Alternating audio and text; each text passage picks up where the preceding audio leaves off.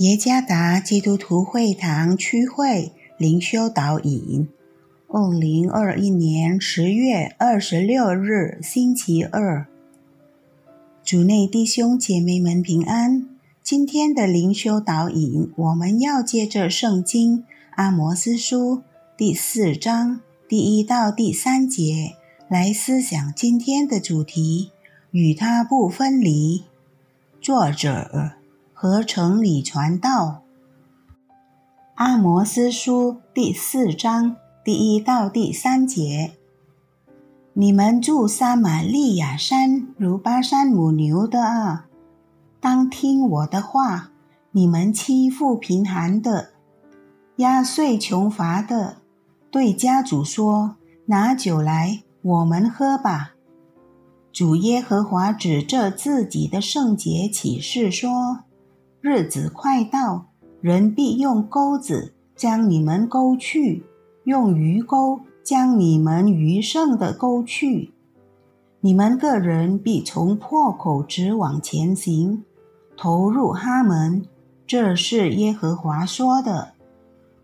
C.S. 刘易斯写道：“如果我们与上帝分离，他就不能给我们幸福与平安，因为。”在他之外，没有幸福与平安，一切都没有。詹姆斯·布莱恩·史密斯写道：“不是因为我们离开了上帝，他就吝于给予或扣住喜乐，而是在上帝之外，真的没有幸福。”在这段经文中。先知阿摩斯表达了上帝对撒玛利亚的惩罚，包括上层阶级的妇女，他们将生活的幸福与平安建置在世界的财富、繁荣和欢乐中。这些撒玛利亚妇女被描述为撒玛利亚山上的巴山母牛。第一节。巴山母牛来自约旦河对面的巴山地区，位于加利利海以东。该地区以其绿色草地和优质小麦而闻名。巴山母牛被称为健康、肥胖的动物。巴山母牛这个词的表意：快乐、奢华、繁荣。先知阿摩斯用这个词来斥责撒玛利亚妇女的行为。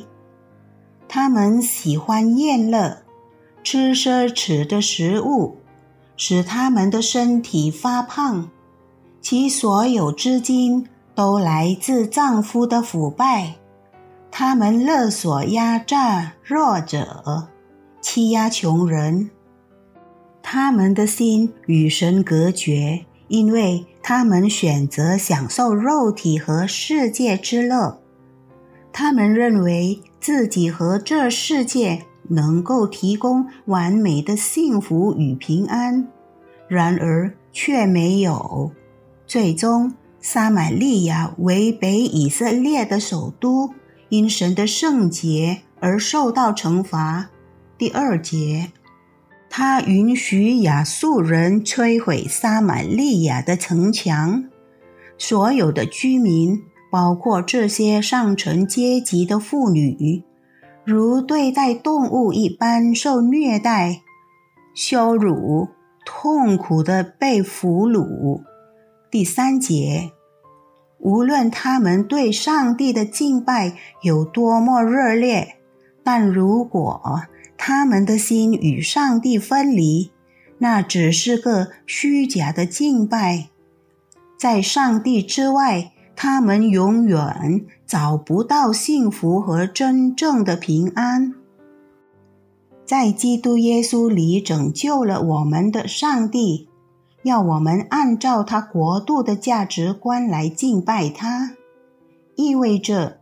我们要让上帝成为我们生活中的首位。